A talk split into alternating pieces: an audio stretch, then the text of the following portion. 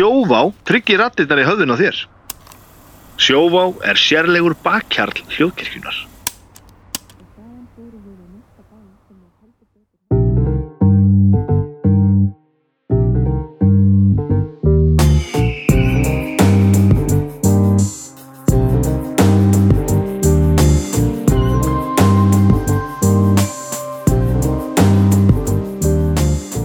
Komið í sæl og verið velkomin í bestu blötuna.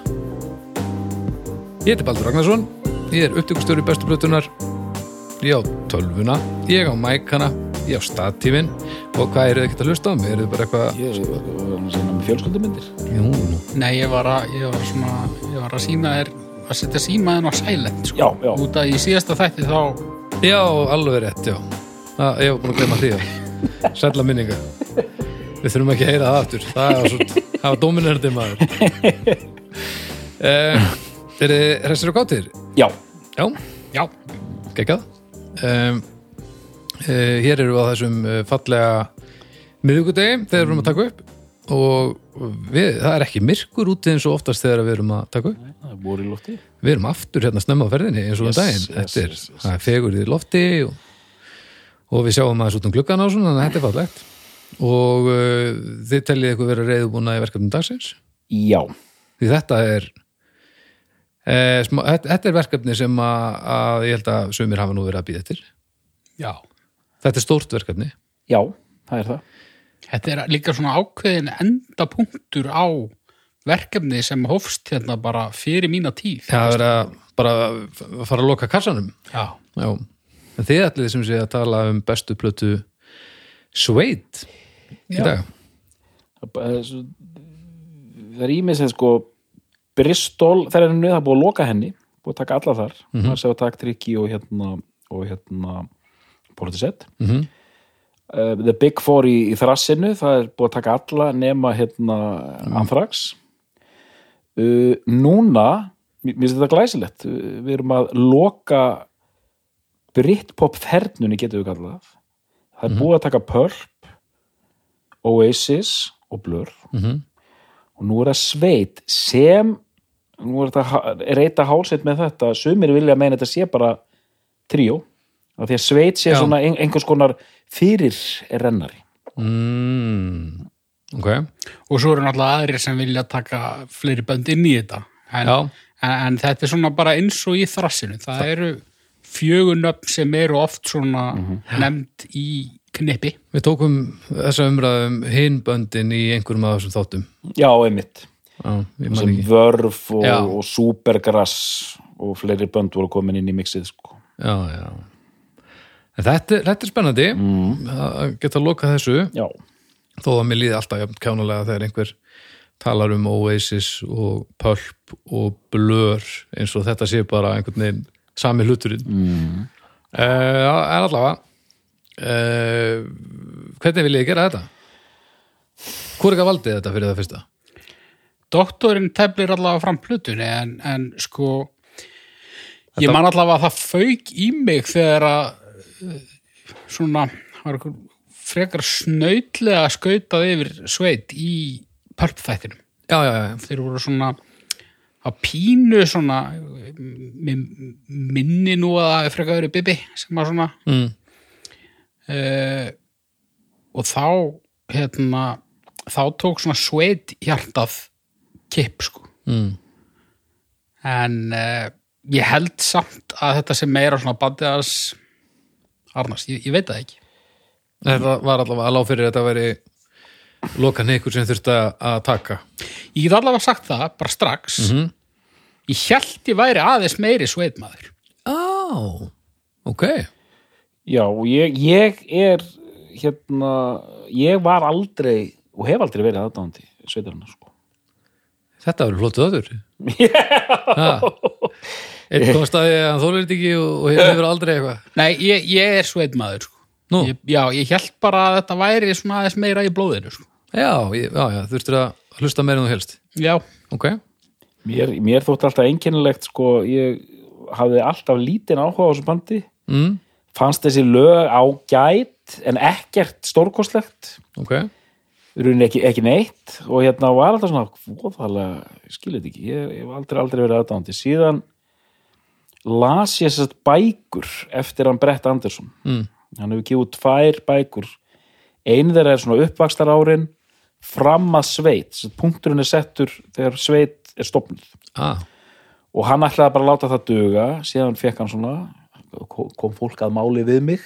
Já, og gerði hérna bók nummer tvö sem bara lýsir sveit árunum og allir þeirri húrandi geðauki já, og í gegnum þessa bækur þá bara fekk ég meiri áhuga á bandinu fór að hlusta og datt dálítið inn í grúfið sko. Ok. Var bara svona mun áhuga samari mm. snerist ekki en svona fór bara að fatta meira sko. Og ég er ekki heitar en þetta sko fór að fatta meira, það, það er lokasetningin sko. Þetta verður áhugavert maður. Ja. en ég auðvitað, eins og hefur stundum verið hlutverk mitt í þessu þáttum, ég kem með stóra samhengið af full force. Jú, jú, lærða Lærða samhengið, eins og alveg- við komum nú ekki inn á þann þá ert þú náttúrulega doktor. Já, þannig ég verð með það allt á taktheinum sko. í tónlistafræðum? Og svo heppilega vil til. Kemur sér vel? Kemur sér vel Ha. í þessu dæmi. Hvað, hvað ert þú, Haukur, sem kemur sér vel í þessu? uh, áhuga maður um skerandi fössi gítarleik. Rétt. Þannig að þeir eru báðir með tölvera einsinn inn í uh, inn í hvað, svona, þetta, þetta mál sko. og, hvað, og hvernig hægt er að elska óþólandi söngrönd já, Já, það er ekkert mál samt. Það er oft ekkert mál sko. Nei. Þetta þarf bara að ganga upp í heildina þú veist. já, Já, já. já, Einum, megin Þetta, þetta, þetta hefði aldrei gengið. Þetta er röddin fyrir þetta band. Já. Erðu, hérna, hvernig Já. sjáðu þið þetta fyrir ykkur? Þetta, ég skal, ég skal, ég skal bara reka þetta úr, úr hérna hlöðunni ok, út á gras Ok. og hérna þið hjálpið mér og haugur kemur með makkar pælingar inn á milli eða eitthvað sliðis ég held að það sé bara flott sko. Já. Þá skulum við bara hefja leika Já. Það er ekki eftir neina að býða Við ætlum að, við hverfum aftur í tíma og við erum komin til Englands árið 1989. mm Og hvað er að gerast í enskri poptónlist árið 1989? Mikið, lítið, hvað er í gangi? Helstu fréttinnar eru Stone Roses. Rétt.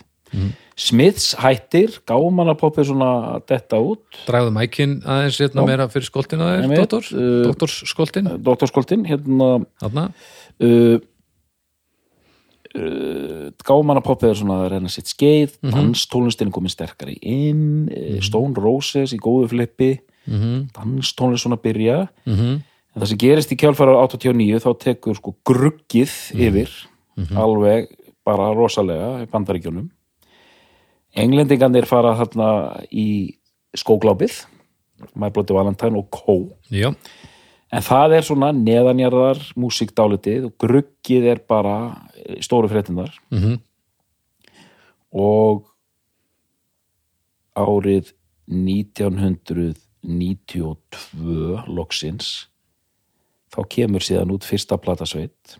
Ég ætla að segja að fara aftur tilbaka og fyrsta platasveit 1992 einhvers konar fyrir hann er í Britpopsins tekur dálitið aðtiglina aftur frá bandaríkjunum sko.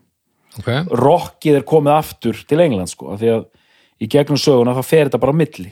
Tónlistar, það sem er, það sem er flott og, og gott og skemmtilegt mm. skiptist á að fara mill, milli allans ála. Ok, og en sveitin sem sagt, sveitin sveit er stopnöður í 1989 í einhverju krumma skuði fyrir utan London sem ég man ekki svona hvað heitir eða einhver tvö nöfn eitthvað White Wilders sér eða eitthvað líka. Uh, það er ekki eins og tekið fram hérna í, í, í introðinu og viki sko. Nei, nei, þetta er hérna Þetta þykir nú ekki merkilega en svo. Nei, nei, þetta er algert svona commuter town eins og sagt er. Mm. Þetta er bara svona sveppbær rétt utan við London. Já, bara forndin London stendur. Já, já, þetta er svona þetta er svipað með Cure þetta er, er, er hérna stopnað í, skiluru eins og bara hérna, ekki eins og Mósvöldsvæð eins og í, bara á Kjallanessi sko. Hérna, þar sem fólk býr en keirir í vinnuna til London sko. Mm, einhver skil. lest. Já, uh, þar er hérna uh, ungur bókneigður uh, hérna jaðarpiltur hann hérna Brett Andersson. Nölli. Nölli. Nölli. Og svona við, ekki viðkvæmur, bara svona hann er svona á skjön og hérna já, einmitt er bara nölli og svona listrænt þengjandi, bókmæntilega þengjandi og svona finnur sig ekki alveg en er skilur fættur, the only punk in the village og, og það allt. Já, já, og þú veist, erfið æska og pappans eitthvað og leðilegur og eitthvað svona og allt þetta klassiska dæmi mm. og og svona já, og síðan er sagan dálítið um það að komast einhvern veginn í burtu búa eitthvað til og setja eitthvað í gang mm sem hann og gerir og snemma færa hann til liðs við sig Matt nokkurn Osman bassalegara Mhm. Se- og þeir eru svona bestu vinnir maður sér það í öllum viðtölum bara síðan þeir eru alltaf tveir saman, þeir sitja alltaf hlið við hlið. Ok. Og þeir eru svona, Matt Osman svona fylgir honum alltaf svona, hann er eins og lífvörður sko. Já, og, og maður sér að þetta er svona þetta er svona hið fullkomna vinapar. Hérna Bretta Andersson talar mikið, mikil fyrirferði í honum, sjarmerandi og svona la la la. Matt Osman segir aldrei orð stendur svona hliðin á vinni sínum og er svona algjör makkar sko. Og maður sér að þeir svona treysta mikið á hvern annan sko. Ok. Um, síðan sko þriðji liðsmaðurinn hann alveg fyrst er Justin Frischmann. Justin Frischman Frischmann sem Ok. svona var eh, svona hálfgildingskærasta Brett Andersson Ok, og hún átti síðar eftir að stofna hljónstina Elastica. Mm. og hún er svona algjörtöfari ok. En þau svona, síðan hættir hún í bandinu og síðan fara að tínast inn fleiri með henn þar sem líkilmaður er að sjálfsögðu Bernard Butler, gítalegari Já, og þeir verða svona McCartney og Lennon Britpopsins. Þessir tveir. Og síðan kemur hérna trommuleikari Simon Gilbert sem ég myndi ekki hvað hét fyrir fyrir fimm minútur síðan sko, því ég flett honum upp á Wikipedia sko. Simon uh, Gilbert, Gilbert. Já, hann er til dæmis ekki með mynd á Wikipedia. Við erum þar sko. og hérna, Hann er samt, hvað, er hann samt uppnumlega meðlumur það? já, já, í rauninni sko, hérna Það var trommari þannig sem fór með uh, Justine í Elastica. Ég man ekki hvað hann heitir. Uh, er það líka Just, á, Justin. Justin Stephen Welsh. Já, ok. Já. Justin Welsh. Justin, Justin ég, til, ég vissi þetta ekki. Ég, ég var mikill Elastica maður hérna í mið nýju og ég bara hafði ekki hugmyndum þetta. Ok, en, en, en, sem sagt, en þessir sko þessir fjóri sem nefndir hafa verið hérna mynda svona, ég ætlaði að fara að segja því ég veit að haukur finnst svo gaman að heyra þetta orð eða þessi tvö orð, Imperial Face. En það er kannski ekki rétt orðað af því að hérna, ég er aðeins að hlaupa undan mér að, að fyrstu tvær plötunar séu, jú, jú, þannig séð þetta er auðvitað, það er tvær plötur sem svona gera eh, þetta legacy hljósættarinnar mm. og þriðja platan upp að þessu marki en hérna alltjent við getum bara að byrja á því sko eh, menn fara af stað byrja að spila sér saman London band, mjög ennst band og síðan kom, kemur hann að singull og síðan er bara hlaðið í það er rosa build-up í pressunni það, það vantar bara eitthvað við þurfum að stilla einhverju fram Nirvana er búið að gefa út Nevermind við verðum einhvern veginn að taka þetta aftur tilbaka og Melody Maker bara gefur út hérna blað The best new band in Britain og þá hafði ekki heyrst nóta frá setinni sko ah, já, já, ok Það er ekkert dásamleira finnst mér heldur en breska tónlistapressan Já. að reyna að búa til Já. næsta stóra breska bandið já. við höfum séð þetta svo oft og þetta er svo dásamlegt Já. þetta er ekki mikið gert hérna Nei, þú verður einhvern veginn að að byrja og, og það þarf að vera eitthvað í þessu. Aðja ekki á Bretland nei, segir nei, nei, nei, nei. og þannig tek, þeir hafa tekið mér sér sjens að það hafa komið best new, band, best new band in Britain og það er bara eitthvað. Og Já. allir maður að gleyma því bara núna sko. já, já, já, og svona, já, maður verður að taka sensa já, já, það eru teknisk sensa sko. þeir reynda að búa til nýja senu köllu hana Romo. Rómó, já, þetta átti að vera svona nýtt svona New Romantic svona Spandau Ballet Duran Duran dæmi sko. Já, hver reynda að byrja á Rómó?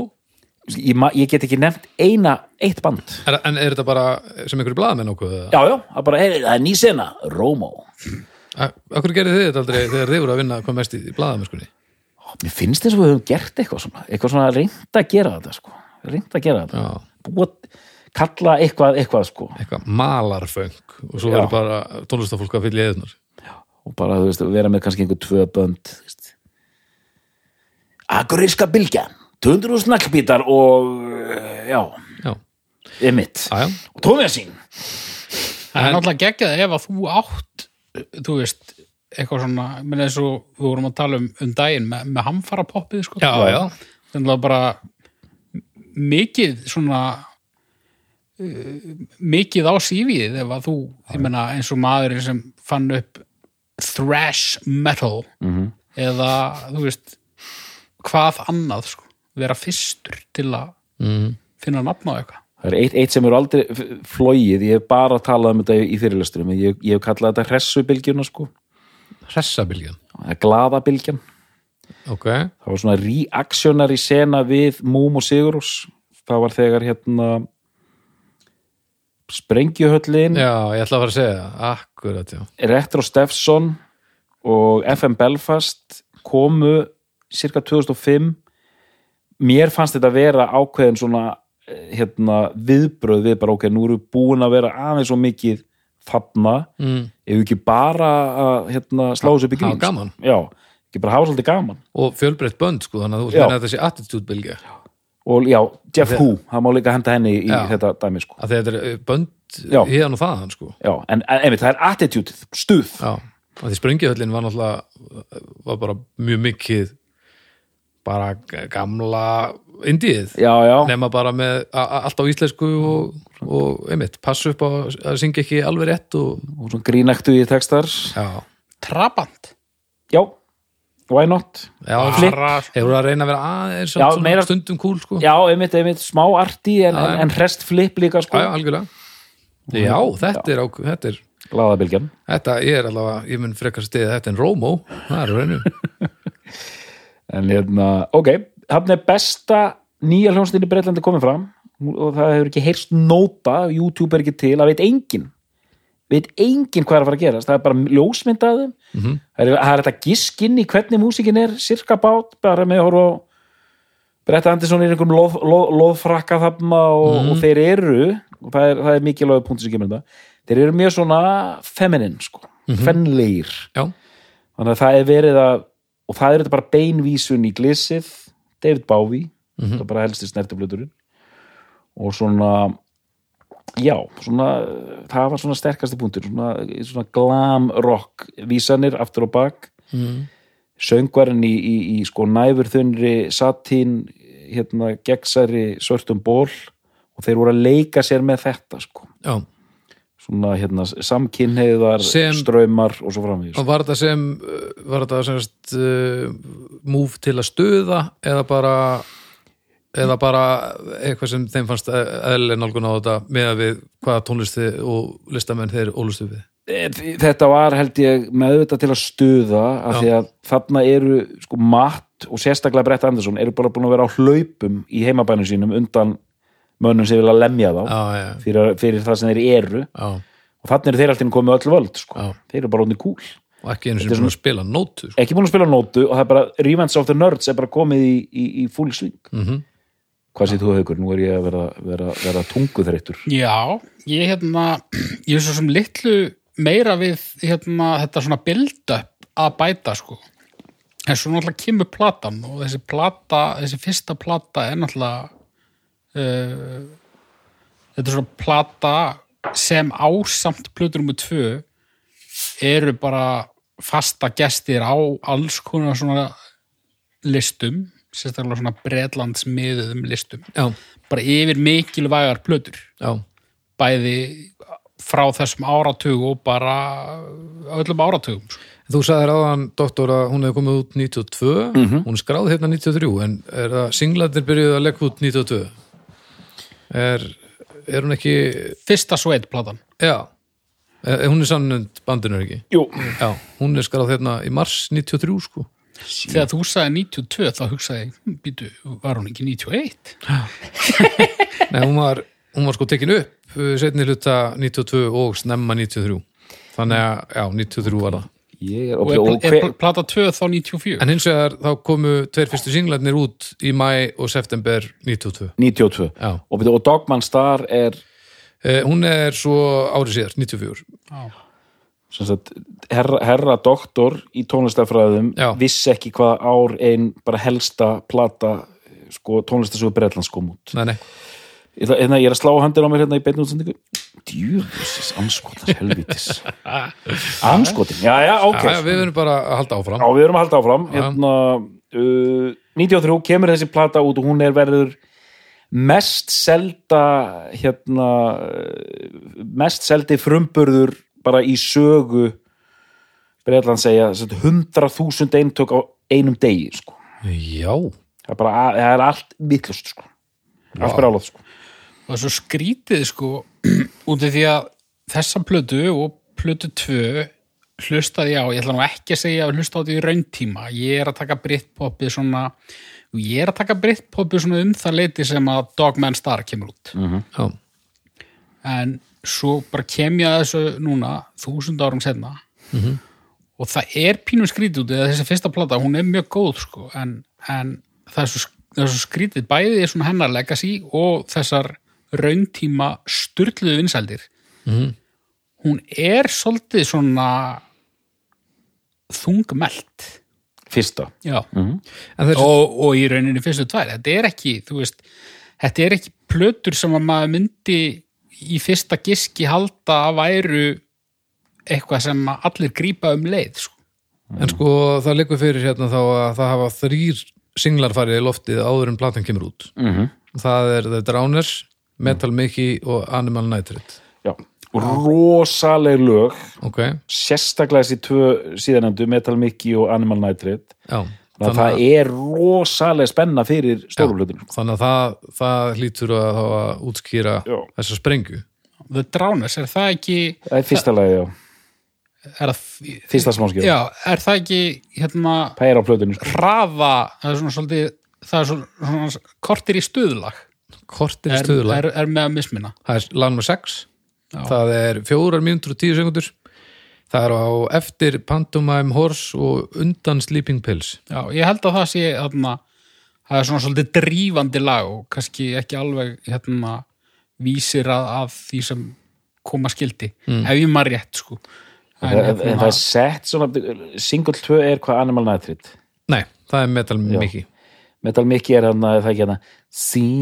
Seaside down di di di di di down way la la la la la la na na na na na na na na na. Er það- það númer þrjú? Nei.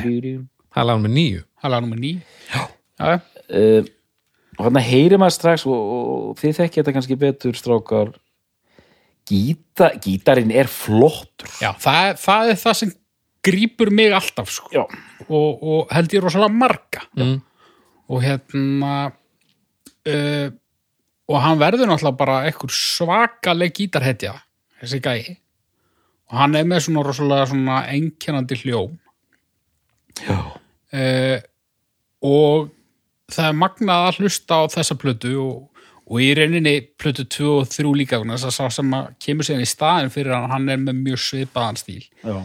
að þe þeir eru Richard Oakes Já, þ- þetta er einn gítarleikari en það er svo brjálað mikið að gerast í gítarnum sko. mm.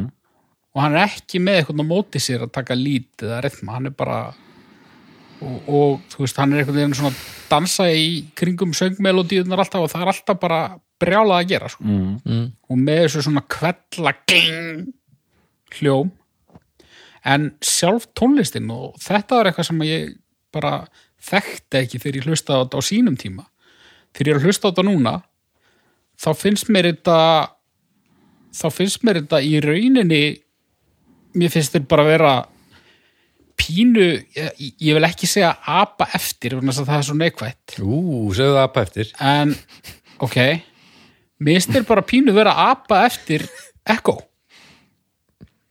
Echo, sem við rættum um daginn.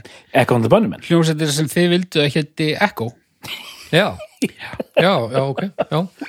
ég, ég heyri svaka Echo and the Bunnymen sérstaklega á uh, þessar fyrstu plötu. Ok, og bara bæði lagasmíðum og sándi og svo, náttúrulega bara söngur líka. Og er þetta eitthvað sem að þeir hafa uh, talað um það band sem ára sko, ég eitthvað fletti því upp og ég sá þetta nefnt svona ég, ég fór nú ekkert ég, ég kafaði ekkert djúft sko. Nei, en jú, áhrifavaldur en ekkert svona ekkert sem þeir hafa endilega verið þetta er ekki hljómsett sem að þeir heldu aldrei kjæftum skilur Ég held Ok. að sé sko að að það sem maður heyrir í sveit þetta, þetta, er, þetta, þetta er nokkru hlutir maður heyrir alveg svona þessa báfi hérna takta og þetta post-punk er þarna alveg. Að Echo sé einmitt bara mjög fín líking mm. og þetta er líka smiðslegt já, aðalega bara út af þessu rosa í gítardrifið alveg fyrir allan penningin sko. Smiths, gítar já, hér ég brjálast bara og, ba og bassalegur, ég segi það ekki og bara allt, einhvern veginn. Djöfulli pyrrandi hvað móri sem mikill hálfut oh! það var sko Smiths var þannig það var bara, já já ok, það búið að taka trómunnar, það búið að taka bassan, flott. Gítarar, það var bara í viku sko. Þetta er rosalegt sko. Hérna, þetta eru allt punktar sem er að, er að flækjast um þarna í, í, í sveit sko, en, en það er eitthvað nýtt. Þetta, er, hérna, það er búið að vera bara einhver svona loggmódla það er, þú veist Stone Roses með svona dans eitthvað sko og hérna eh, skóglápið eins og það er þetta er bara, þetta er fresh. Mm. þetta er bara svona, hei stuð, Já. en melankólist stuð. Já, já, já, já, já, já, já. drunga stuð já, og, og, og ég mitt svona hérna votstræti í Lundunaborg tekstar alveg endalust sko. Já. glataðar ástir og, og það allt sko. En það er alveg á miljón en samt stuð. Já, stuð. Já, og svona, e, þetta finnst svona, þetta er samt litríkt þó þetta sé líka drungalegt sko. Já, en hérna og mér finnst þarna þriði singullin sem er nú með þeirra þekktari lögum þarna Animal Nitrate. Já, það er svona, það er eitt af þessum lögum það sem, að, sem kjarnar hljómsveitir mm -hmm. já, það, það er svona það er bara algjört frum efnið sveit er þarna. Mm. bara bæði hvað var að laga smíðar söng og, og gítarspil. Mhm. og, og þessi signature hljómur Bernard Butler sem, mm. sem að Richard Oakes uh, tók síðar við keflinu af. Hann, þú veist Animal Nitrate númer hvað er það það er tvisturinn ég. tvisturinn, já, ég myndi það var snemma allavega það er bara svona það bara, mér finnst það bara setja rosalega mikið tónin fyrir Jú, bæði tvistur. hljómsveitina og bara svona kannski pínu brittpopi líka sko en, en það var samt svona í manni fljótu bara ekkert eftir einhverjum að mörg bönd hafa eitthvað endilega verið að apa eftir þeim sko. Upp eftir sveit já, Nei, ég í raun, í raun ekki, það koma hann að hljómsveitir menswear og einhverja svona já, það er eina sem þetta er í hug sko, sem fara inn í þennan sko tölum að þessu um þetta þennan svona gender bender pælingar svona, androgynous sko, er þetta kallið er þetta kona? Mm. hefur verið að leika sér mjög mikið með þetta sko, svona kynheiðar element alveg á miljón sko. Mhm. Að með sko Oasis eru bara svona algjöru pungar já, já, þeir, þeir vilja að þú vitir að þú eru lamin fyrir utan fótboltavöllin ef þú gerir eitthvað að þér. Og, og, og restin sko. Svona, svona áferðarlega séð kannski þá, þá má segja að placebo hafi kannski já, já, hoppa, hoppa svolítið á þetta. Rétt. mjög gott, mjög gott. Þetta, það er alveg svona post-sveit band sko. Sko, mjög- Bávi er náttúrulega ruddi bröðina en sko ég, ég, ég tók bara aftur Og- og og boy. bak heljastökk inn í mér að kæti þegar þú varst að tala um bönd eins og mm, og svo kom ekki mannsún heldur heldur menswear þá var þið leiður. Jú, já, já. Svona, þú mannsson kannski næ, þeir, ég ég er að pæla í þessu, þessu, þessu, feminíska sko. Já, já. svona hvað var Manúar, Man, manúar. Eitthvað svona feminist og þægilegt. Svona, það var ein hljónsett sem kallaði sig nú magnaða nafni Gay Dad. Gay Dad, já, Gay Dad. Já. Hérna hommapappi það var svona eh, ekkert ósveipað sko. Já, Gay Dad. En, en, en, en, en hérna með þessa fyrstu plötu, einmitt, byrjar á þarna þetta er ótrúlega flott byrjun So Young. Fjórið einmitt, síðasti. já, uppafslæði So Young sem er svona að þetta er líka að vera að fjalla um táningana og vera ungur og, og veit ekki hva, í hvað tótinu allar að stíga og allt þetta Mhm. sko og síðan bara nefnt í Animal eh, Nitrate en þegar ég var að hlusta á ég er að lesa bækunar hans og ég er bara klári slægin, ég var ok, nú ætla ég að hlusta á þessa plötu Mhm. það meistaraverk og nú ætla ég bara að taka þetta inn og þá kom mér á óvart að platan, ég er enn á þeim stað haukur að mér finnst hún svona helst til köflót sko. Já, bæði sko, hvernig lögin eru líka bara reyn gæði sko. Mér finnst koma of mikið af lögum sem er bara ha, það er eitthvað lag sem heitir það er einhver lög sem ég man ekki sem hvað heita og hvað þá að ég viti hvernig þau ljóma sko. Raunhundar þá að ekki samt í stóra saminginu platan er rosa svona atmosfæri sko. Já, já. Ég, ég, ég ætla einmitt að koma inn á þetta sko því að ég er sammála að einhverju leiti sko, ekki það að mér finnst hún köplott af gæðum, heldur einmitt svona og ekki einu sinni einsleit vegna þess að það er alveg hérna, það er alveg verið að rocka feitt í Vá. svona lögum og svo eru þú veist, Vá, hvað hlustunarhópur okkar yngdist bara á einu andartæki og það er alveg breytt í svona típunni af lögunum sko, en, en samt einhvern veginn hún rúlar uh, hún rúlar þannig í gegn sko að ef þú situr ekki bara og ert að hlusta Mhm. þá eiginlega tekur þú all eftir. Já, já, já, já en hérna. En En- engi raunhundar nei, nei, En uh, uh, kvolpar Mætti Mér segja þetta, finnst- er þetta jafnvel kvolpasveit Na, ah, mér finnst engin raunhundur á fyrstu þremmu blöður, Ok.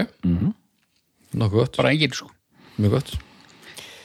En hérna þessi plata bara hafur allt vittlust í mun að ég man mjög vel eftir að þessi plata var bara í öllum partíum sko. Já, hún var, var alltaf þessi sveitdiskur innan um einhverja pöldjamdiska og, og nefamændiska sko. hvenær byrja hérna, er einhver myndbönd sem að standa upp úr í, kringum þetta? þetta er mjög svona early 90s vídeo þar sem hann er hann að flexa skýrtunni sko. Og, og þú veist mikið svona hann er með flott svona move sko, svona popstjörnum move. En e e ekkert svona eitthvað legendary? Nei, Nei. nei, nei ekkert nei. Ok, E- ekkert svona radiohead dæmi sko. Nei, nei, síðan sko líður ár. Líður ár sko og hérna það þarf að taka upp uh, plötu nummer tvö. Mm og það er eitt frístandandi singull, ég man ekki hvort hann kom á milli eða á eftir, það er hérna Stay together la la la la la. Mannst þetta er sögur já, Stay together. Stay Together, þetta, þetta er flott lag sko Ok. okay. Anywho að plata nummer 2 og það, finnst, það sem mér finnst flottast við plötu nummer 2, það er sko umslægið er svakalegt sko, þetta er svona við ætlum ekki að endurtaka okkur yfirlýsing. Já, við ætlum að gefa út plötu nummer 2 og hún á að vera þingri dekkri og meira fokkjú sko. Mhm. það er, að- þetta er algjörlega þannig plata. Já, ég menna þetta og við ætlum að hafa verið mann Machine á rassinum Þetta geti verið svona Þetta er alveg í áttina að Machine Head coveri. Já, ef eitthvað er, einmitt. Þetta er kalt og hart. Og, hérna, og við ætlum að láta fyrsta lagi heita We Are The Pigs. Mhm. og hérna það er svona Á eftir Introducing the Band. Band og síðan kemur næsta lagi Heroin. Já það er brjála að gera. Það er bara allt vittlust og bara, við ætlum ekki að náta að ná okkur. Hérna við ætlum að vera með hérna, hei, við erum alveg búin að slá í gegn en við erum svo gríðarlega miklu listamenn að við bara bara fuck you. Og, en það er meiri í þessu að það er haukur, það er alltaf verið vitlust innan raða bandsins eða ekki? Jú, jú, Nú, mikið rétt. Nú segið frá. Þeir verða manni færrið þarna bara var það rétt áður en plata kom út eða rétt eftir hún kom út? Já, það var bara í miðjum upptökum sko. Já, Það var drama. Það var drama, Ok. mikið drama. Þetta er bara Hvað var svona Hvað var svona uh, þrættu þeir sko þeir, þetta er, þetta er auðvitað hrikalegt en, en eh, þú veist, Brett Anderson og, og, og, og Bernd Böller ná rosalega vel saman sem svona sköpunarlegt unit.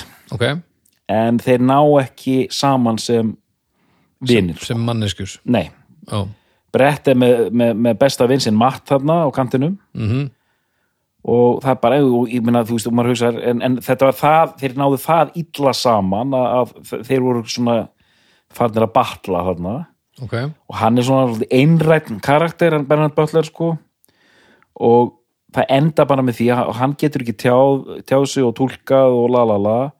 Og bara í miðju ferli þá bara hættir hann bara í bandinu sko, fer. Fokk ykkur mm. í farin og það þurfti bara að klára einhver lög bara með sessjónspilurum sko. Já, já. Ok. Ég las eitthvað, eitthvað viðtalsstúf hann einhverju síðar. Þar sem hann tala líka um það þú veist, ég veit ekki hvort hann var að segja það bara í einhverju, einhverjum pyrringi en hann vildi meina sérst líka bara Brett Andersson væri engin tónlistamæður já, einmitt, einmitt. Mm, og bara það væri engin grundullur þú veist, hann þyrti svona meiri tónlistamann Með. á móti sér eitthvað Já. en ég, þungorð já, og ég er ósámálaðum mm. ég reyndar fór ekkert grúndikt í það hver semur hvað á þessum plötum. Ok, en hérna uh, en, en sama hver kreditin eru þá er, er heilmikil músík í hans flutningi og hans uh, söng ákvörðunum og hann, hann á nú eitthvað sem lögum eða ekki, sérðu það það? um, Á þessari blöðu Já, til dæmis. Jú, hann hefur gefið út sólóplötur hann glamrar á kassagítar, drengurinn. Já, ég held að böllerinn hafi aðeins verið að selja hann ódýrt þarna. Ég sé All tracks were written by Brett Anderson and Bernard Butler. Já, hann er auðvitað með textana sko. Já, en það, er bara All tracks are written by. Já. Já. Það kemur ekkert meira fram. Nei, nei. Á þessari uh, og uh, á þeirri fyrri, ég skal fletta því upp. En þið skoða þetta uh, þar eru við með það sama En sko það er eitthvað svo cool og þú veist það náttúrulega líka ítir undir svona góðsögnina Berrard Butler. Mm. þetta hætta á þessum tíumpunkti Já, og hérna búin að sem efnið.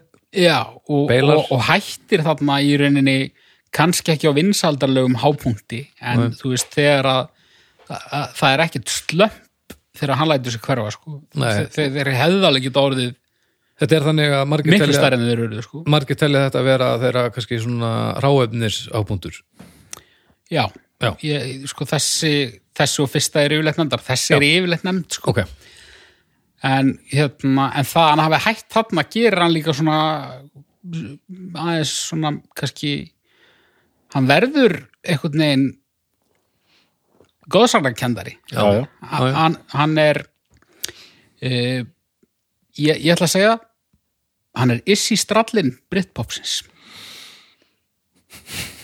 Er, Men, er, heyrðu, það, er það fjari lagi? nei, ég- mér finnst þetta að vera bara negla. Ég veit ekki hvað það er samt. Issi Strallin, hann var í Guns and Roses. Já, já, já, já, já. Og hann hættir þarna bara annarkort í miðju User Illusion upptökuferli eða bara strax og hún kom út. Ah, Gaurinn með hennar leður. Já. já. Akkurat. Geggjaði gítalegari en það vinnur með honum að hann hafi hætt þarna. Já, og þú veist, leit aldrei tilbaka. Nei.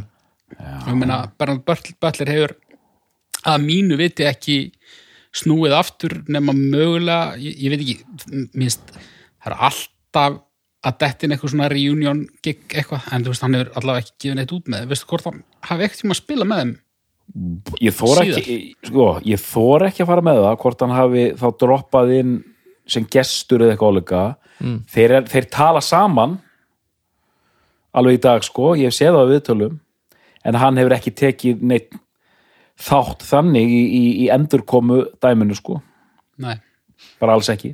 Ég veit en ekki, sérst, engin svona heftúð á millið þeirra sko, Nei. heldur en maður sér það alveg, ég sá það á einhverju viðtölum og menn eru menn, mönnum líður kannski ekki stórkostlega vel saman í sama rými sko.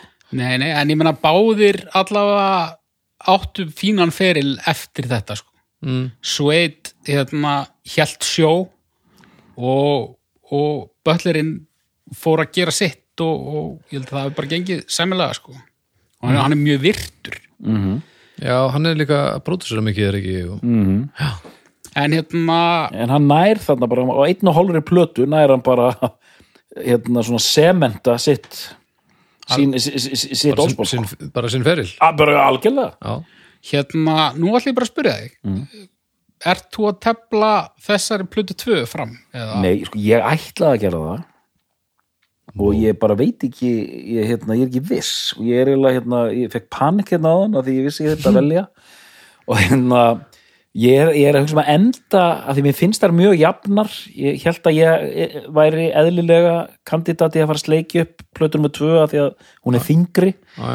en ég er hættu við og ætla að fara bara í fyrstu plötuna sem svona Já, hún etsar þetta á svona shock of the new sko. Það, aldrei, það komi aldrei neitt annað til að reyna kom, hérna, kom aldrei neitt annað að greina hjá mér en, en, en fyrsta plata Ég meina annað en þessar tvær fyrstu. Já, já, já, já. Ég held kannski að þriðja platan sem er helvíti öflug Já, gæti komið inn ok, en það gerist ekki. Það gerist ekki. Um, ég, ég, ég vek aðtíkla á því að ég rétt upp hönd. Já, þú réttir upp hönd af því að þú ert þar. Ég endaði þar sko. Þú endaðir þar Ég Núna, er í, í, í sveit bólsins. Og eru núna fólk út til að, að fuss og svega Urla mm, samt ekki haugur ég held að hún sé ekki hún er ekki töluð niður sem eitthvað svona ódýr popplata alla sveit sko, Nei, nei, en, en, en það, hún er ekki jafn, drungaleg. hún er ekki jafn drungaleg og hún er ekki þú veist þar er tekin bara kannski nánar um það á eftir en, en þar er bara tekin meðutuð ákvörðun bara ok, við ætlum bara að gefa út smellaplötu mm, og það er svona gljáir á hana. Nema coverið já, Hvað er að gerast? og veist, og það tókst, það er smellaplata. Það er smetaplatan, já, ok. Hún svona glansar á meðan hérna tvær eru mattar sko, Ú, mjög gott. Segja sko. Hérna, já, svona e- en hérna ef við klárum aðeins hérna til dæmis á plötu nummer 2 sem hefði jafnvel geta etsað hana ef ég hef verið þannig stuði. Þar Já, er lag sem ég gjörsanlega elska. Það er hérna byði There's a song playing on the radio. Wah, wah, la la la Hérna Já. Gott lag. Um, Ég er engunar The Wild Ones. Á, já, já, jú, ég, jú, já. Hérna hver, hvernig var hérna viðlega hérna? We could be the wild wow. þú veist, þú ferði alveg upp í falsettuna sko. Já, já, þetta er alveg, þetta er svona þetta var þetta hræðilegu flutningur en Nei, mm, það var bara flott, sko. Þetta er svona, og þetta lag er þetta er bara svona epíst lag fyrir allan peningin sko. svona stórt og drama og hérna Og ég get nú sagt ykkur það, að, að þetta lag það fór hérna á, á í stöðu 66 á Eurochart Hot 100 mm -hmm. í átjónda sæti á UK Singles 16. sæti í Skotlandi og í sjötta sæti á íslenski listin Top 40 Ass. og að, þetta fór bara á þessa fjórulista og við, að, þetta lag rústaði í Íslandi þessi plata gerði það svolítið sko. fyrir mér er þessi plata ég, hérna, ég tengi þess að plötu rosalega við svona diska, rekka eldri bræðra vina minna. Ok, þegar ég er í gagfræð sko. já, já, þetta var svona þetta var svona eitthvað sem menn sem voru svona kannski tveimur til fjórum árum eldri en ég dýrkuðu og ég sá bara hann að berra saða mann og mér fannst þetta virka mjög óspennandi sko. en svo e einhverju síðar þá hérna og, og samt í rauninni fyrir þess að þriðu plötu þá var ég, þá var ég búin að tekka á þessum plötum og ég var ekkit svona ég, ég, ég, var ekkit ég var ekkit alveg þarna sko, en mér fannst það skemmtilegt. Hvenar komu þeir síðan hingað? Sveit, Já, 2000 það er ekki fyrr en 2000 Nei, ok. Ég, nefnilega, ég, ég var að hugsa þetta bara í dag hvort að ég hafi séð þá. En ef þeir kom ekki fyrir 2000 þá hef ég ekki séð þá. Þeir, spi, þeir spiluðu á fyrstu alvöru erveifsháttíðinni Já, Já. já, já, Sa, Aha. sama háttíð og Sigurós tók gig í fríkirkjunni og hérna fengu samning í bandaríkjunum í kjölfarið Já, ég sótti sem sagt bladamannafund með sveit á Hotel Sögu já. ok Hvernig var hann? ég, ég man ekki neitt hérna, að vera ágættu bara við fórum hann að ég og Skarpiðin sko. já. Skarpiðin skrifaði greinur sko. Já, já, já, já. en hérna, það er bara það, er stundur svolítið cool. Ég var til að vera svona í fimmanna hljónsett á bladamannafundi sko. mann finnst maður að vera svo mikilvægur eitthvað, sko. Já, ef það er einhver annar en þið þú veist ég held að þetta þetta verið svona bandi og sem mætur og, og það er enginn annar Jú, það er bara eitthvað svo Það, er að samt, og... það er samt betra heldur en ef það er, er bara einn annar Já, já, ef það er bara hljómsettin þá veit engin annar hversu það er enginn að fara að setja það í loftið. Með Æ, rétt En sko, já, og þetta er alltaf, þú veist, þegar ég uh, byrja að neyjast til Britpopsins sem er bara hann sem er bara svona í kringum Parklife í rauninni. Hún er hvað 94 Parklife.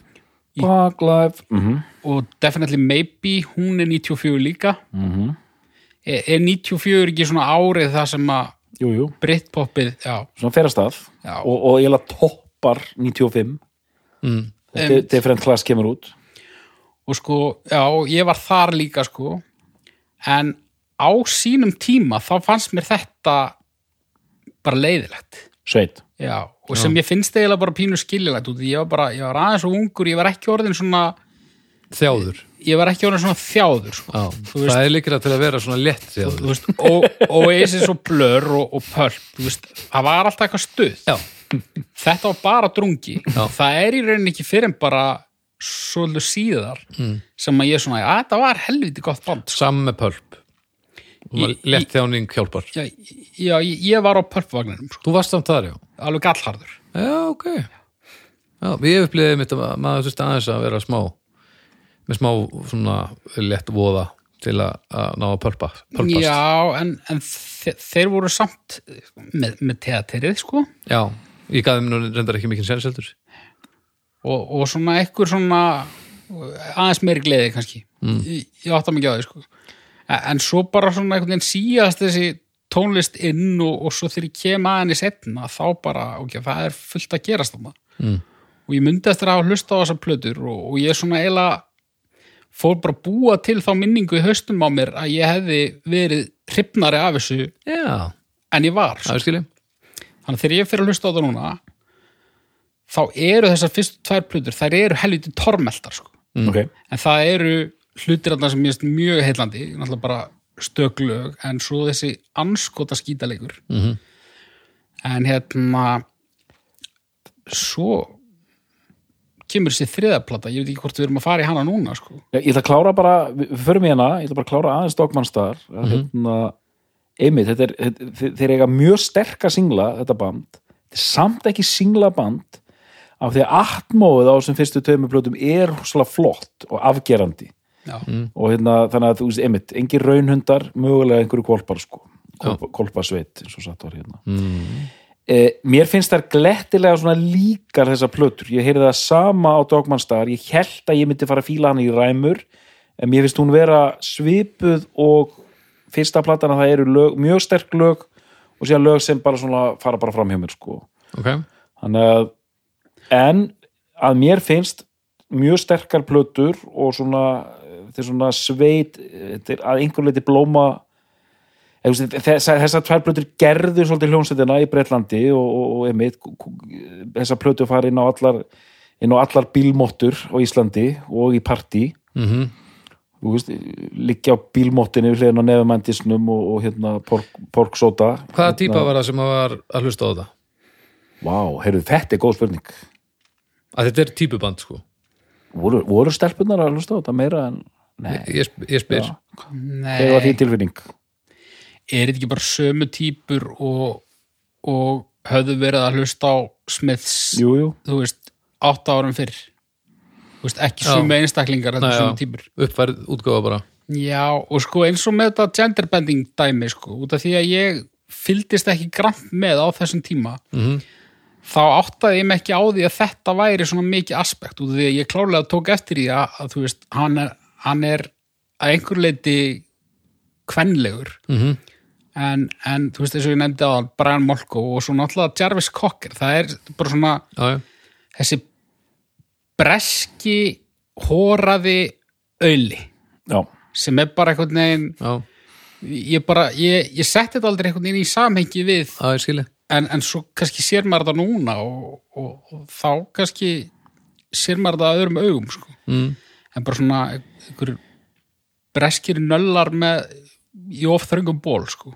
já, ég, ég, ég áttaði mig ekki á að þetta væri eitthvað dýbra en það sko. næ, skilið en, en það sem þetta er það hérna nú er ég að spyrja. Já, já, hvað er aftur með þetta? þú veist, eh, þetta, þetta hann, e, eru að tala um alveg einbyttan brotavilja í þessu að augra hérna eh, hefðbundnum hugmyndum um, um kyn og kynneigð og, og svona. Jú, algjörlega sko. Og hérna bæði að leika sér með það e, ég held alveg öruglega hans í hommi hérna trommarinn. Mm. Þannig að það- hérna þannig að þú veist, jú, algjörlega. Og svona fannst ekki leiðilegt að vera líkt við svona bávi og eitthvað svona androgyni sko. Og, og þeir eru, að því að hafa verið nefndar aðra hljónsettir eins og Pla- Placebo og hérna og hérna ég nefndi hana, mensver og eitthvað svona sko, svona að þeir svona gefa þetta leifi dálítið, það var ekkert svona undan sveit, nema kannski smið sko, það sem sko þú, þú ert svona viðkvæmur uh, hóraður bóka nörd svona og getur verið með einhvern smekk fyrir einhverjum rúsneskum kvikmyndum og eitthvað svona sko. Já, það er kannski misráðið að mér að vera að setja Jarvis Cocker endilega þannig vegna þess að þar erum við að tala um bara þú veist hann er bara flagari Þú veist. En það er líka, Er já, já, og það er svona, en eina hljómsveitin er þessum sko, að því að blör eru líka með listatípunar sko, Mhm. Og pulp svona, bókmæntatípunar, svo er eina bandi sem er svona hard, rock with your cocks out bandi er Oasis sko. Verkamannabandið. Verkamannabandi sko. Ég ætla, ég ætla bara að droppa inn hérna, meðan ég man að á þessum tíma, ef þú varst með bara Dúti Liverpool plus, Dúti Liverpool sem fylgir samt dálítið vel með. Hann er með uh, Blood Sugar Sex Magic mm hann er jafnvel með The Bands líka okay. hann er með Oasis disk mm. kannski Primus, Soundgarden Primus, já, alveg- the Seas for Cheese þetta er alveg dúti Liverpool plus 2 sko. já, ok, segjum það, þetta er Dúti Liverpool plus 2 okay. og síðan er bara það er kannski Violator með Deepest Mode er hann líka og þú veist, sveit diskur þetta er bara, þetta er bara það sem er að gera þetta er svona almennt 90s pop rock sko Já. Er, er, þetta, er, þetta, er ég alveg út að, út að aka sko. Out- of time. Out of Time með, með Rem. En veitu, dúti Liverpool plus 2 segist hann vera alætt á tónlist þess að er hann Já, sú típa við, við erum að tala um svona við erum, við erum að tala um venjulegi maðurinn sem fylgist með. Já, alternative bólurinn Já. bólurinn, það er gott já, já. Það- það fangar þetta fullkóla já, og því hann er til sko. já, algjörlega og, og, og það er líka trainspotting soundtrackið er hann líka sko. Já, já, já, enda stutt haf beint í hjartað maður. Mm. Alternative bólurinn, þannig að það er líka Underworld diskur hann já. E, kannski. E, já, og Apex Twin, Apex Twin. Samþyktur það er fullt þarna sko. Er þetta, er þetta Alternative bólurinn sem er mikið mun um að aðrir viti, viti og Já. líti á að hann sé bara daldi kúl já, bara svolítið ákafi í þessu. Svolítið að kafi í þessu, þannig að sko hann er ekki bara með Actung Baby hann er líka með Súrópadiskin já, það er allt ekkert þarna sko. þetta er rosalegt eintak. Alternative bólurinn, já, þetta er gott. En svo er þetta náttúrulega bara þetta, þú veist, þetta fer oft bara eftir því bara, þú veist bara í hvaða skóla varstu skilur já, þú einmitt. veist eða í hvaða árgangi varstu? Já shit, sko, þú varst auðvitað í Versló. Já, mm. hvernig komstu lífs af þar? Ég, það er náttúrulega sko, ég byrjaði þar 96 sko. okay. þar var það bara númetall, já, skúter ok. og þú veist, íslenskt sveitabala pop já, og svo svona einn og einn alternativ bólur sem hefði átt að vera í MH já, já. Já, eins og þú? Nei, ég var bara svona ég var bara fastur í ykkur metal Já, þú hefði verið utanveldu hvert sem þú fórst. Eiginlega sko. Já, þú varst döðatættur á þessum tíma. Já, Helvíti. Já, en hérna en ef við, sko, ok, höldum að þess áfram með þetta. Hverjum þetta skeið tveimur ánum síðar Bernhard Böttler er hættur, það er ráðinn inn nýr kornungur gítarleikari. Hann hefur verið shit, hann er fætt 76, hann var tvítur já, mjög ungur. Og þeir negla í plötu sem er bara ansi vel hefnuð Já, yfir til þín. Coming up. Mm. sko, þarna byrja maður að heyra að það var endalust í útvarpinu. Já, og, og að einhverju leiti plötun á eftir líka. Já, head music. Já, en þarna svona tekum maður strax eftir því sko ég til dæmis held ég held alltaf að Bernhard Butler hefði tekið þessar fyrstu þrjár fjórar plötur sko. mm, ég, ég hafði ekki spotta það að það væri annar maður að spila gítar þarna ok, einmitt það Og- make a sense og þe þegar maður veit það já Richard Oakes mm -hmm. já, Já, og þegar maður veit það þá, þá skil ég alveg pínu að ég hef ekki ekkert svona fattað það endilega sko. og því hann er bara með hennan sama stíl svolítið. Hann er að semja með brett alveg sex lög á plötunni. Já. Hann kemur sterkur inn hann kemur sterkur inn. Hann með hennan sama stíl og náttúrulega eins og þú segir þá er þessi þriðaplata, hún er meira slik en hún er líka svona einhvern veginn hún er bara hún er líka aggressívari sko. Satt, og, og gítarinn þarna, hann er bara ég veit ekki hvað þetta er þetta er bara svona, alveg bara út í punk. Já, já sound sko okay. við tökum til dæmis bara hann uh, Beautiful Ones heitir það ekki Here Jú. we are, the beautiful veist- one gítar introið í því lagi, það er ekkert eðlilegt sko. já, já, og eh, ef ég var að gera lista yfir hérna uh, fingra fimi í, í sveit introum mm. þá, þá myndi ég, ég, ég myndi frekar setja uh, toppin þarna heldur en til dæmis Animal Nitrate sko. hvernig var introið í Nákvæmlega, ég hef heyrt þetta svona Nei, ég er í kolrangri tóntegund Var þetta tóntöðund? Nei, sannlega ekki Wow. Þetta er þarna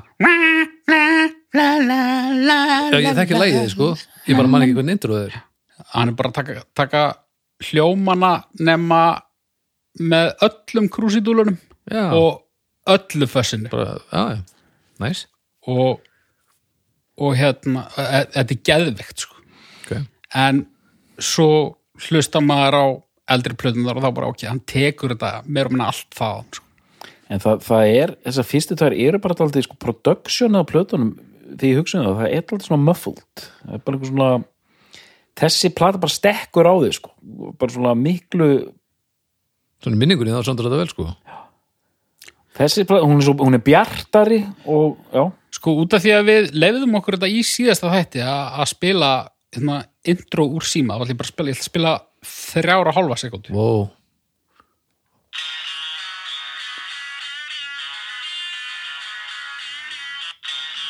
ah! DJ uh, Skinkorgjöla skýtti já, já, sig ég man þetta, já, já. Þetta er nú ekki alveg svona flókið samt. Nei, þetta er ekki flókið, þetta er svo aggressíft Þetta er flott, Já. flott og aggressíft, já Þetta er svo Já, ég aggressíft ætla að vera að tala um hvað þetta væri flókið Nei, nei, bara þú veist, þetta eru hljómanir en hann er Já. ekki að strömma Nei, skilur. akkurat Já, hann er bara hérna, já, já hann er aggression í að þessu. renna sér upp og niður Þetta er ekki flókið en en Það er flókið. það, það er kunst að gera þetta svona og svona klingjandi gítar allaleið Já. og mér finnst hann bara með sándinu taka þessa pælingu bara lengra sko. mm. -hmm. náttúrulega bara gítarinn er meira ábyrrandi það höfða líka mjög til mín og svo náttúrulega bara er þetta þetta er bara popplata Heilstiftar en hinnar, eða hvað? já ja, Rennur betur.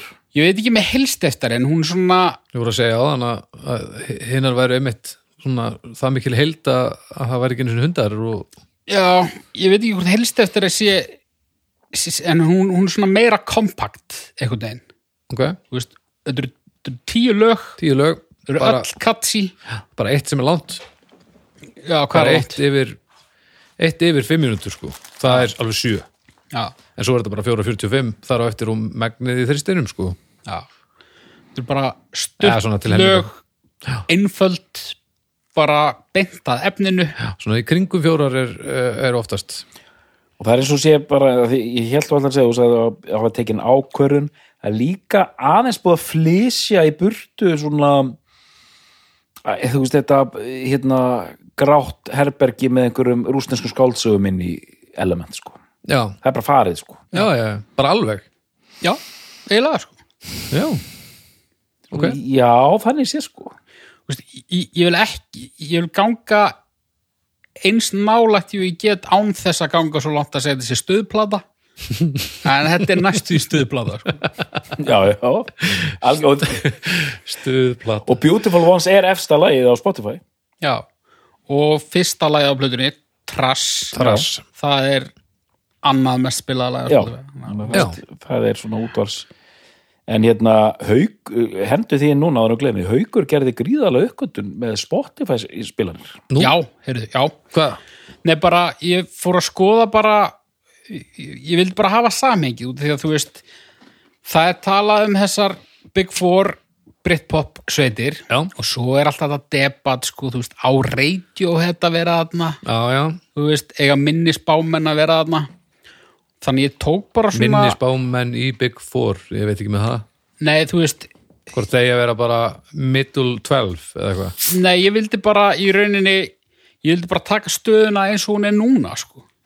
Og því ég man að já, þetta, já, voru- já. þetta voru þessi fjögur bönd sem var með, veist, þau voru mest á þessum forsíðum á NMI og, og, og Melody Maker og svona. Mm uh, bæði er gríðalegur munur innan þessa Big Four mengis. Ok, en svo kom það mig líka bara óvart að sjá hvað svona skildar sveitir sem er oft nefndar uh, sem svona hliðarafurð.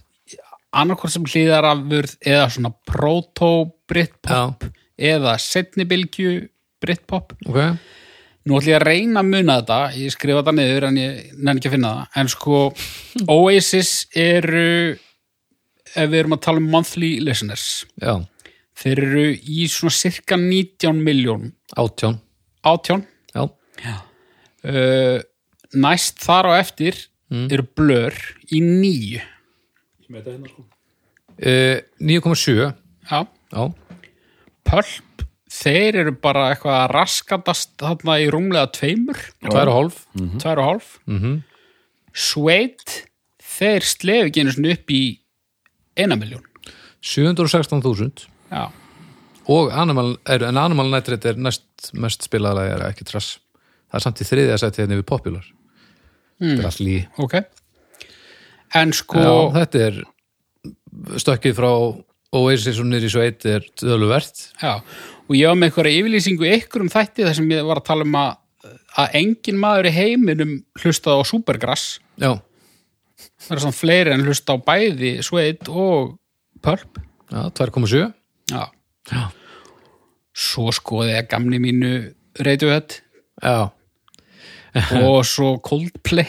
Radiohead 20,7 Já, Coldplay. Coldplay á, 60 uh, 60 Já, 63 já, Vörf 7,8 já, Kín 14,7 já. Þetta er áhugaverð. Kým er að rústa blör. En gefur þetta þokkarlega mynd af stærð banda? Ég veit það ekki. já, Þetta mý- gefur náttúrulega ekki rétt að mynda af sko cultural impact á sínum tíma og mögulega ekki af starðbanda á sínum tíma heldur. en ef þetta gefur þokkarlega mynd af stærð banda í dag það Já. er, það er fróðlegt sko. Mí, Mínir menn í mannsónum 100.000 já, já. En meina þú veist, Cannibal Corpse eru næstum því með 700 millur sko. 700 Eh, Þúsund. 700.000 já, það er minna sko já. já, en bara Akkurat. Cannibal Corpse eru að narti hælana á sveit hvað var þar mánaðalega hlustun það er fáránlegt ekki að ég myndi heyra þetta Þeir eru með 699 þú veist. Cannibal Corpse, það er alveg rétt Cannibal Corpse er að narta í hælana sveit þetta er gott, þetta er góð já. Þetta hefur verið svona, svona eh, listrænt keppi keppli veit ég hjá bæði Brett Anderson og George Fisher. Þeir hafa alltaf verið í svona innbyrðis svona kannski ekki keppni en svona, svona helbriðir í samkeppni þessar sveitir. Já, sveit og, Sveitir. og, og, og, og, og kanniballi Jú, já, já, einmitt, einmitt. vel þekkt. Vel þekkt, já, þetta er myndir að þeim tegum saman að að gantast í hvort öðrum. Já. mjög gott einmitt, sko þannig að já. þetta er mikið minna heldur en bæði ég held Mhm. og sko sýni líka bara það hvað svona Big Four í einhverjum stefnum hvað Já, það hefur mikið með bara svona stað og stund að gera. Alveg sko. Um, og halda fram Já, sko, næstu ég, já, ég, ég reyni ekki eitthvað mikið meir um þess að pluta að segja. Mér finnst bara öll lögin skemmtileg, mér skemmtileg og ég get ekki tínt til eitthvað uh, lagatitla þannig lagað en, en þarna eru held ég svona flest lögin sem að sko raun dútilegu púl þekkir. Já. og þetta er auðvitað afrek að þannig eru, sko, þeir eru búin að gefa tvær risaplötur, búin að missa gítarleikaran alveg koma aftur tveimur árum síðar og slá í gegn, bara aftur. Já. og, hérna, og allir sáttir sko. og mér minnir að ég var að skoða svona heldar sölutölur að þá hafi þeir svona rétt svo toppað þarna. Já, ok. En það er svo sem hefur mjög oft meira með plötuna á undan að gera heldur en heldur en raunverulega. Já, já, já, já, já, nokkulega en hérna, Fólk uh, tekkar á næstu að þeir síðast á góðmennunum já eða, ég, ég er svona að giska en, Já, jú, en svo gefur út þarna hvað heitir hún, Head Já, síðan kemur út plata sem heitir Head Music. Hún Já. kemur út árið 99 getur verið. Rétt. Og síðan kemur út plata sem heitir A New Morning árið 2002 Já, við erum farnir bara. Já, já, okay. Þessar tvær finnst mér þá svona fer þetta dala í aftur þétt og Brett Anderson var orðin gríðalegur eitthulega fíkil já, hann var bara komin í heroinnið full force. Já Fór það illa í hann. Fór dálið dýl í hann. Já, en þeir einhvern veginn lafa inni. Mér finnst þess að plötur slappar. Já, mér finnst það líka. Bara og mér finnst það er eldast ofbúðslega illa. Já, Já. Þetta, þetta er bara, þeir eru ekki að gera gott mót. Ok. Og bara, og þetta er er andlaust og hann talar mjög mikið um þetta eiginlega í bókun hvað þetta sé slaft, hann hérna Brett Anderson. Já, ok. Hann bara segir bara þetta, þetta var ekki að virka og hérna í, þetta var bara umlegt sko. Ok, og meiri segja að þú veist ef við skoðum bara sjálf lögin það er alveg lag og lag en bara útfærslan er líka bara þannig að þú veist góðu lögin njóta sín ekki neitt þannig að þetta er bara þetta er bara það er einhver 90s skítafíla af þessu sko. já, og, og þetta er orðið filmstar, er það ekki af annar hverju þessari? Jú, þeir eru svona, far, þeir, þeir eru orðin aldrei svona er það hérna filmstar. Þetta er eiginlega orðið svona hálft glata Já, bara svona, það er ekki þessu sko. Þeir eru orðnir svona karikatjúra sjálfum sér sko. jú, er það ekki á Head Music? Það syns ekki. Það er Eh, Það er á eh, Er það á plötuna Það er eftir? á Coming Up Hei, upp á slutinni þinni filmstar Nei, það er ekki hann í Jú, víst Hvaða lag er ég? að hugsa um? Lag nummer tvö Hvaða lag er ég? Það er eitthvað, það er eitthvað úgeðslega frækt lag og hérna Head Music Head Music, Hva, hver Eh, eru singlaðir? sing- season, season fashion uh, Electricity Season Fashion. Season Fashion á Electricity, já ég var ég að gera grína filmstar, ok hérna, Já, þeir eru flottir Ég já, já, það, Ah, ah. það fer bara pín í töðunum með filmstar, ég, ég við ekki með það. Það er eitthvað Já, ég ætla að reyna að redda mig fyrir hotn með að segja að það er ekki besta lagi á, á en, en þú veist kú, kúlinu er tapa þannig að þú veist, þetta er bara þannig. Þetta er búið, við verðum bara alltaf áfram það er eina leið Já, mér finnst, mér finnst í rauninni öll lögin á blöðinu góð Já. Heri, já. Já, já, hérna New Morning, já, hún Já, kemur bara, já, já. og, ok, og hérna og bandi bara hættir eftir New Morning Já, er bara búið, bara búið. bara ok, bara og það- 2002, 2003 bara slöfum þessu Hvað hérna, er það er það uh, sjötta blaðan? Er það fynda blaðan? Já, Eh, New Morning er 15 blanum Já. Uh, Nú var hún alveg ég man eftir því að hún var alveg hérna þú veist þeir hafa ekki hætt út því fólk var að hætta að hlusta.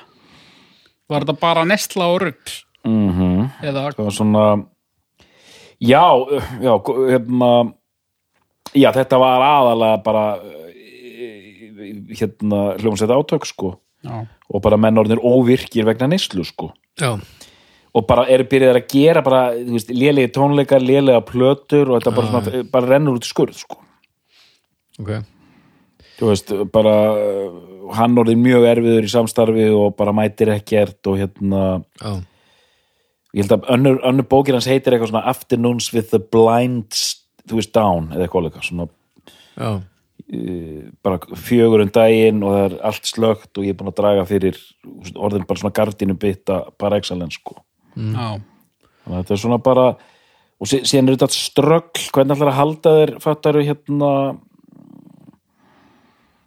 popljónsettir eh, þurfa alltaf að feysa þetta? Hvernig á ég að halda mér hérna? Relevant. er relevant, einmitt, hvernig, hvernig, hvernig ætla ég að gera það? Britpoppið hættir og, og hvað á ég að gera? Mm.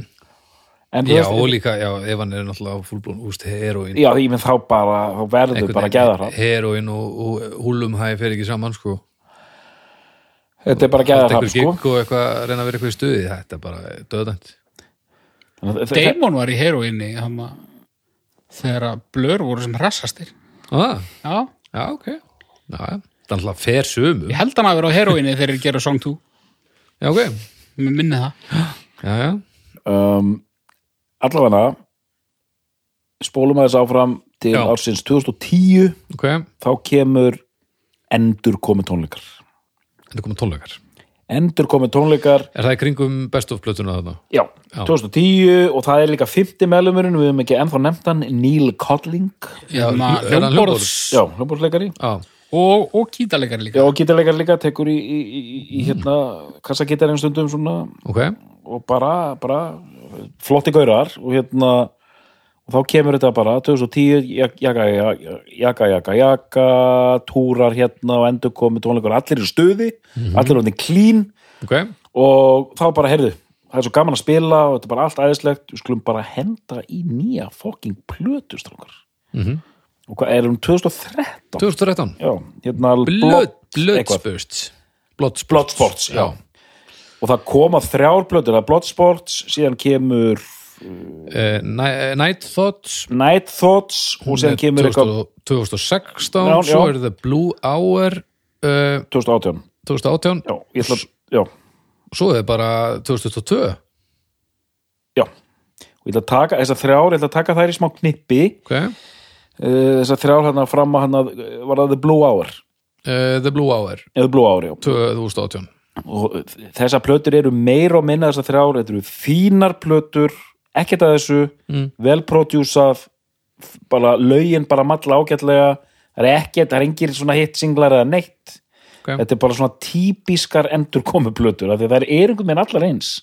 Við höfum talað um fullt af hljónsettur sem gera þetta og þetta er alltaf eins. Hvað, hvað höfum við kallað þetta hérna? Svona fanservice bara, þetta er bara svona sveit, sándandi plötur það er ekkert að þessu en auðvitað nærið ekkert aftur þessu, þessu fyrsta sko. Ég hlusta þetta álítið á hann að Blue Hour. Ok, hún er mjög flott sko. Nánast progguð á köflum sko. Já, já, bara svona róleg uh, þetta eru þunglög og svona uh, einhvern veginn twisted. Ok. Þannig að það verið aðeins að gera eh, eitthvað nýtt og skemmtilegt. Já já, það er, maður finnur það alveg. Það er bara það er gaman. Það er gaman í sveit. Það er gaman í sveit, gerum þetta. Prófum þetta. Já, höfum þess að svona og prófa pínu, hafa þetta svolítið skrítið þetta lag.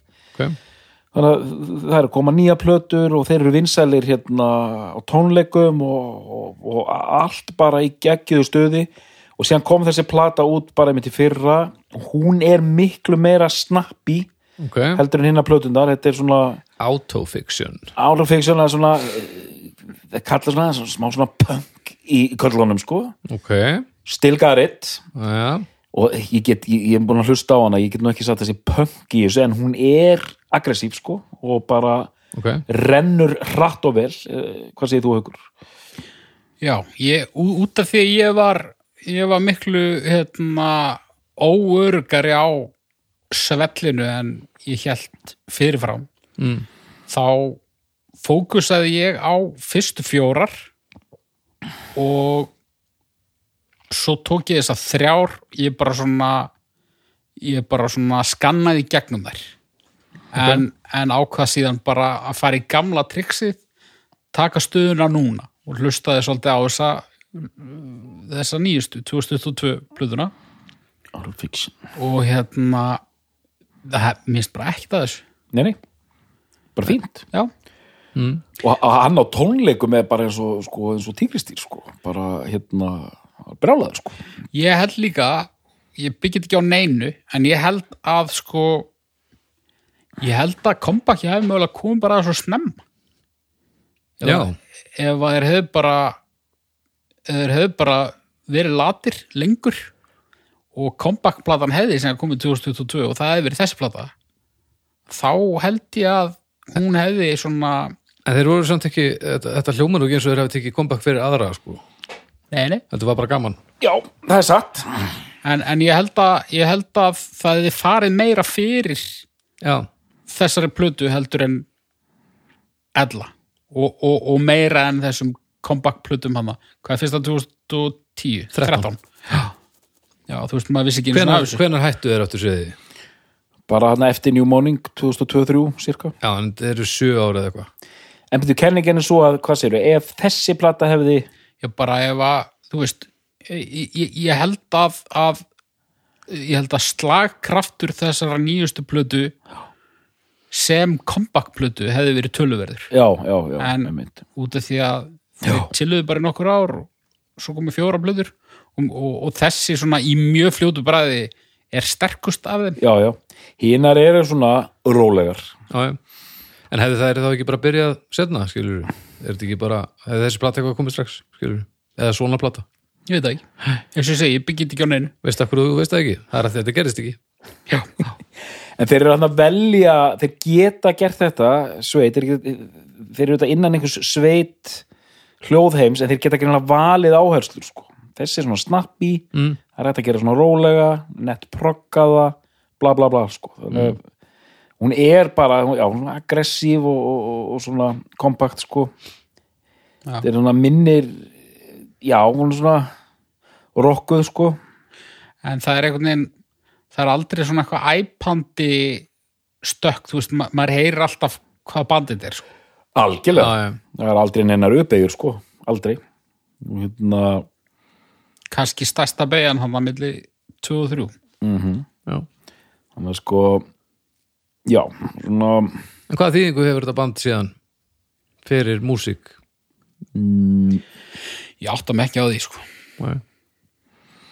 er þetta er þeir taldir oft fram sem einhverjir áhrufa já, sko ég ætlaði mitt að segja sko mér svo fyndið stundum með hljómsveitir að það er hætta og hvert, hvað gera meðlemindi síðan að því að það, það verðast alltaf það verðist aldrei vera neitt mál að fá alla aftur. En svo allir séu bara að fara að vinna í banka og meðan og býði bara eftir kallinu sko. já, er, er það það, Það er það allur allavega hefur verið svolítið þannig undanfærin ár. Svona. Ólíklegustu högg þar. hljómsveitir sem að held að myndu aldrei koma saman aftur. Bara allt í hennu bara Axl Rós mættur bara með slass og döff og, Já, það var nú líka bara því að hann var svo mikill hálfviti það Já, átt engin, það átt engin vonaði að hún myndi bara batna.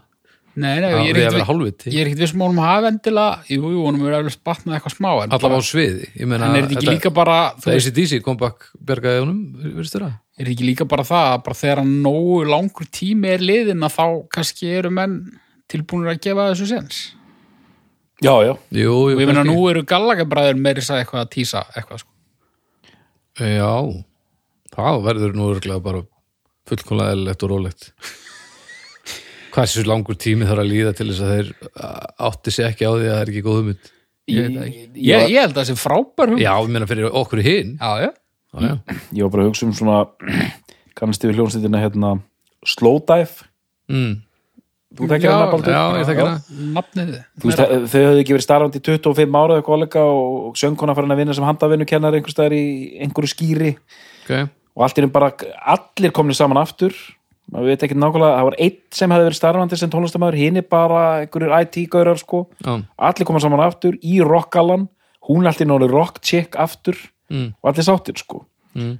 bara svona það fer svolítið eftir eftir stærð bandsin sem þú varst í hvað gekk á já, já, já, og hvort fólk hefur náð að náð slakan ég meina, ef, það er heldur líkilatri ef að, ef sérstaklega band splundrast í sundur að því að allir er í neyslu þá er þeir ekkert að fara að koma aftur saman ef einn helt áfram skilur. þú veist, það, það gengur ekki. En ég ætla að svara sko að því þú spurði Baldur og við þurfum að reyna að svara þessar spurningu hugur að hérna það kom mér á óvart að því við vorum að tala um stöðu bansins í dag þessar tölur sem hugur er með já, kom mér á óvart ég hefði haldið að það veri miklu meiri spilun. Hjá þeim já.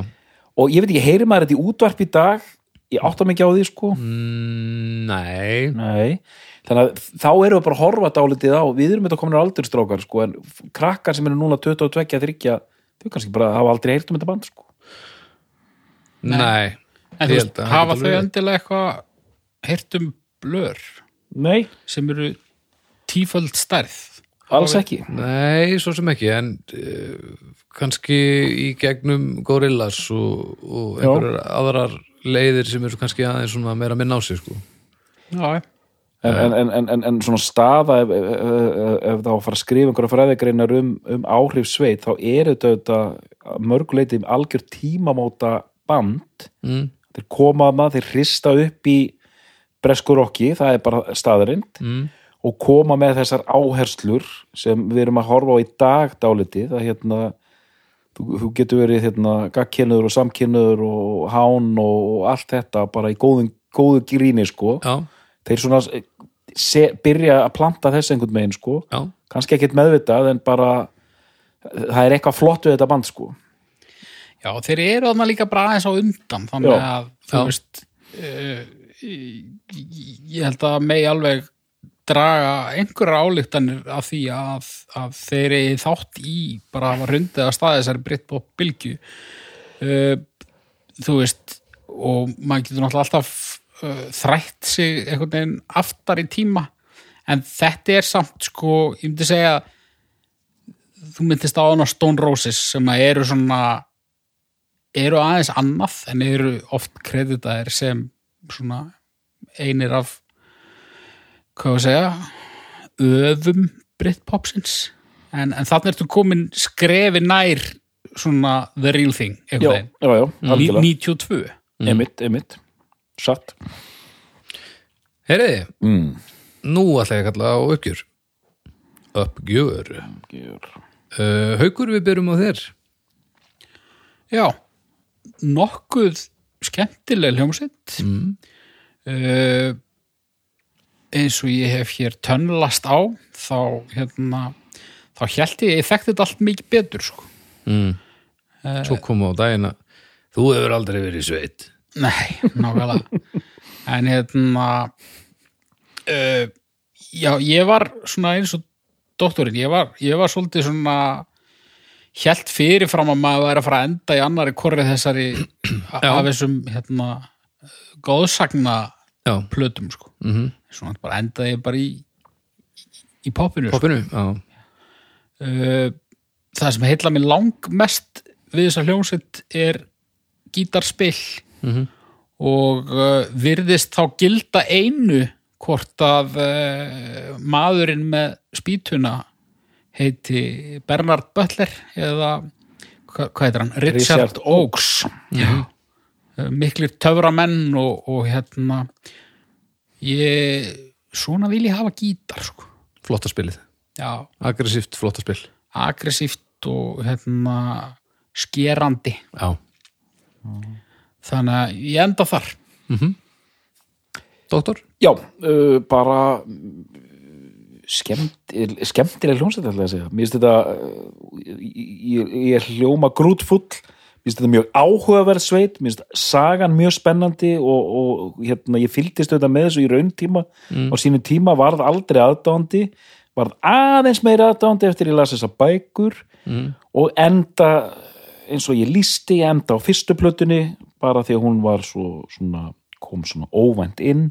Það eru mjög sterk lögðar byrjar frábærlega uh, og já það eru þetta geggjulög á Dogmanstar en þeir sigruðu ekki hjarta Arnars á myrkrinu í þetta skiptið mjög sjálfgjátt að þetta gerist en það kemur greinlega fyrir. Þannig að já, bara gaman að þessu og bara mjög gaman að pæla þessu í þessu bandi og klára ferðuna glæsilega gert. Þannig að doktor er þetta besta plata sveit já, haukur, er þetta besta plata sveit nei, við þakkum fyrir í dag og við heyrumst að viku liðinni